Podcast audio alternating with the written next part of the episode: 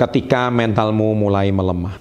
Sahabat SB30 yang saya cintai, kadangkala kita merasa kita ini tidak memiliki kekuatan apa pun di dalam diri kita. Kadangkali kita juga merasa kita ini tidak sehebat dan sespesial orang lain yang dilahirkan dalam kondisi yang luar biasa. Entah itu dari segi finansial ataupun dari segi fisik. Kita semua pasti sering mengatakan, "Aku tidak bisa, aku tidak mampu, aku bukan orang kaya, aku lemah, aku sampah." Ya, saya pun dulu juga pernah mengalaminya. Mari saya ceritakan salah satu pencipta sebuah smartphone legenda di dunia, yaitu pencipta Apple. Mungkin salah satu dari kalian menggunakan iPhone Apakah kamu tahu bahwa ia dulunya memiliki cerita yang tragis?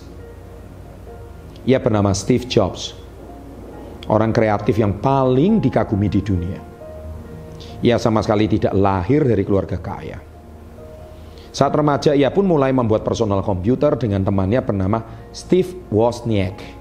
Ia sampai rela menjual dua mobilnya untuk menjadikan uang tersebut sebagai modal usaha.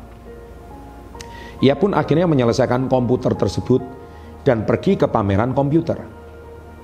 Ia dan temannya pun mempresentasikan produk Apple untuk pertama kalinya. Namun naas, ia pun ditertawai satu ruangan dan mengolok-olok produk Apple-nya. Steve pun keluar dengan rasa sedih dan tertekan atas hal itu.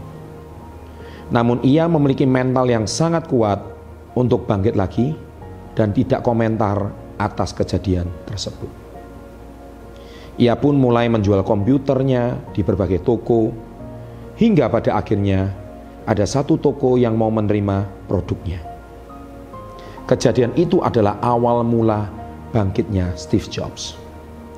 Tidak lama kemudian Steve didatangin investornya dan mendanai Apple untuk pertama kalinya. Di situlah Apple berkembang dan menjadi besar. Namun tidak lama kemudian Steve Jobs dikeluarkan dari Apple. Perusahaan yang ia bangun dari nol harus ditinggalkan olehnya. Karena para pemegang saham tidak percaya atas visi dia yang terlalu berlebihan. Dengan perasaan berat hati, Steve pun meninggalkan Apple dan seluruh berita menggambarkan bahwa Steve sudah benar-benar bangkrut.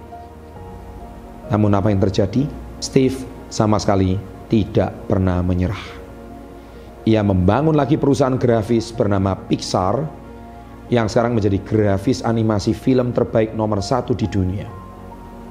Hal itulah yang membuat para pemegang saham ingin mengembalikan Steve menjadi CEO dari Apple. Jadi apa yang bisa kita petik dari cerita ini? Ya, jangan sesekali kita memiliki mental sampah atau mental tempe. Sekali kamu mencoba untuk menyerah, maka kamu membiarkan kompetitormu menang. Ingatlah akan kata-kata itu. Mental tempe tidak cocok untuk entrepreneur. Jika kamu sekarang memiliki mental tempe, berubahlah dan harus menjadi lebih kuat. Semoga cerita ini bermanfaat, sahabat SP30. Dari saya, Chandra Putra Negara, salam hebat, luar biasa.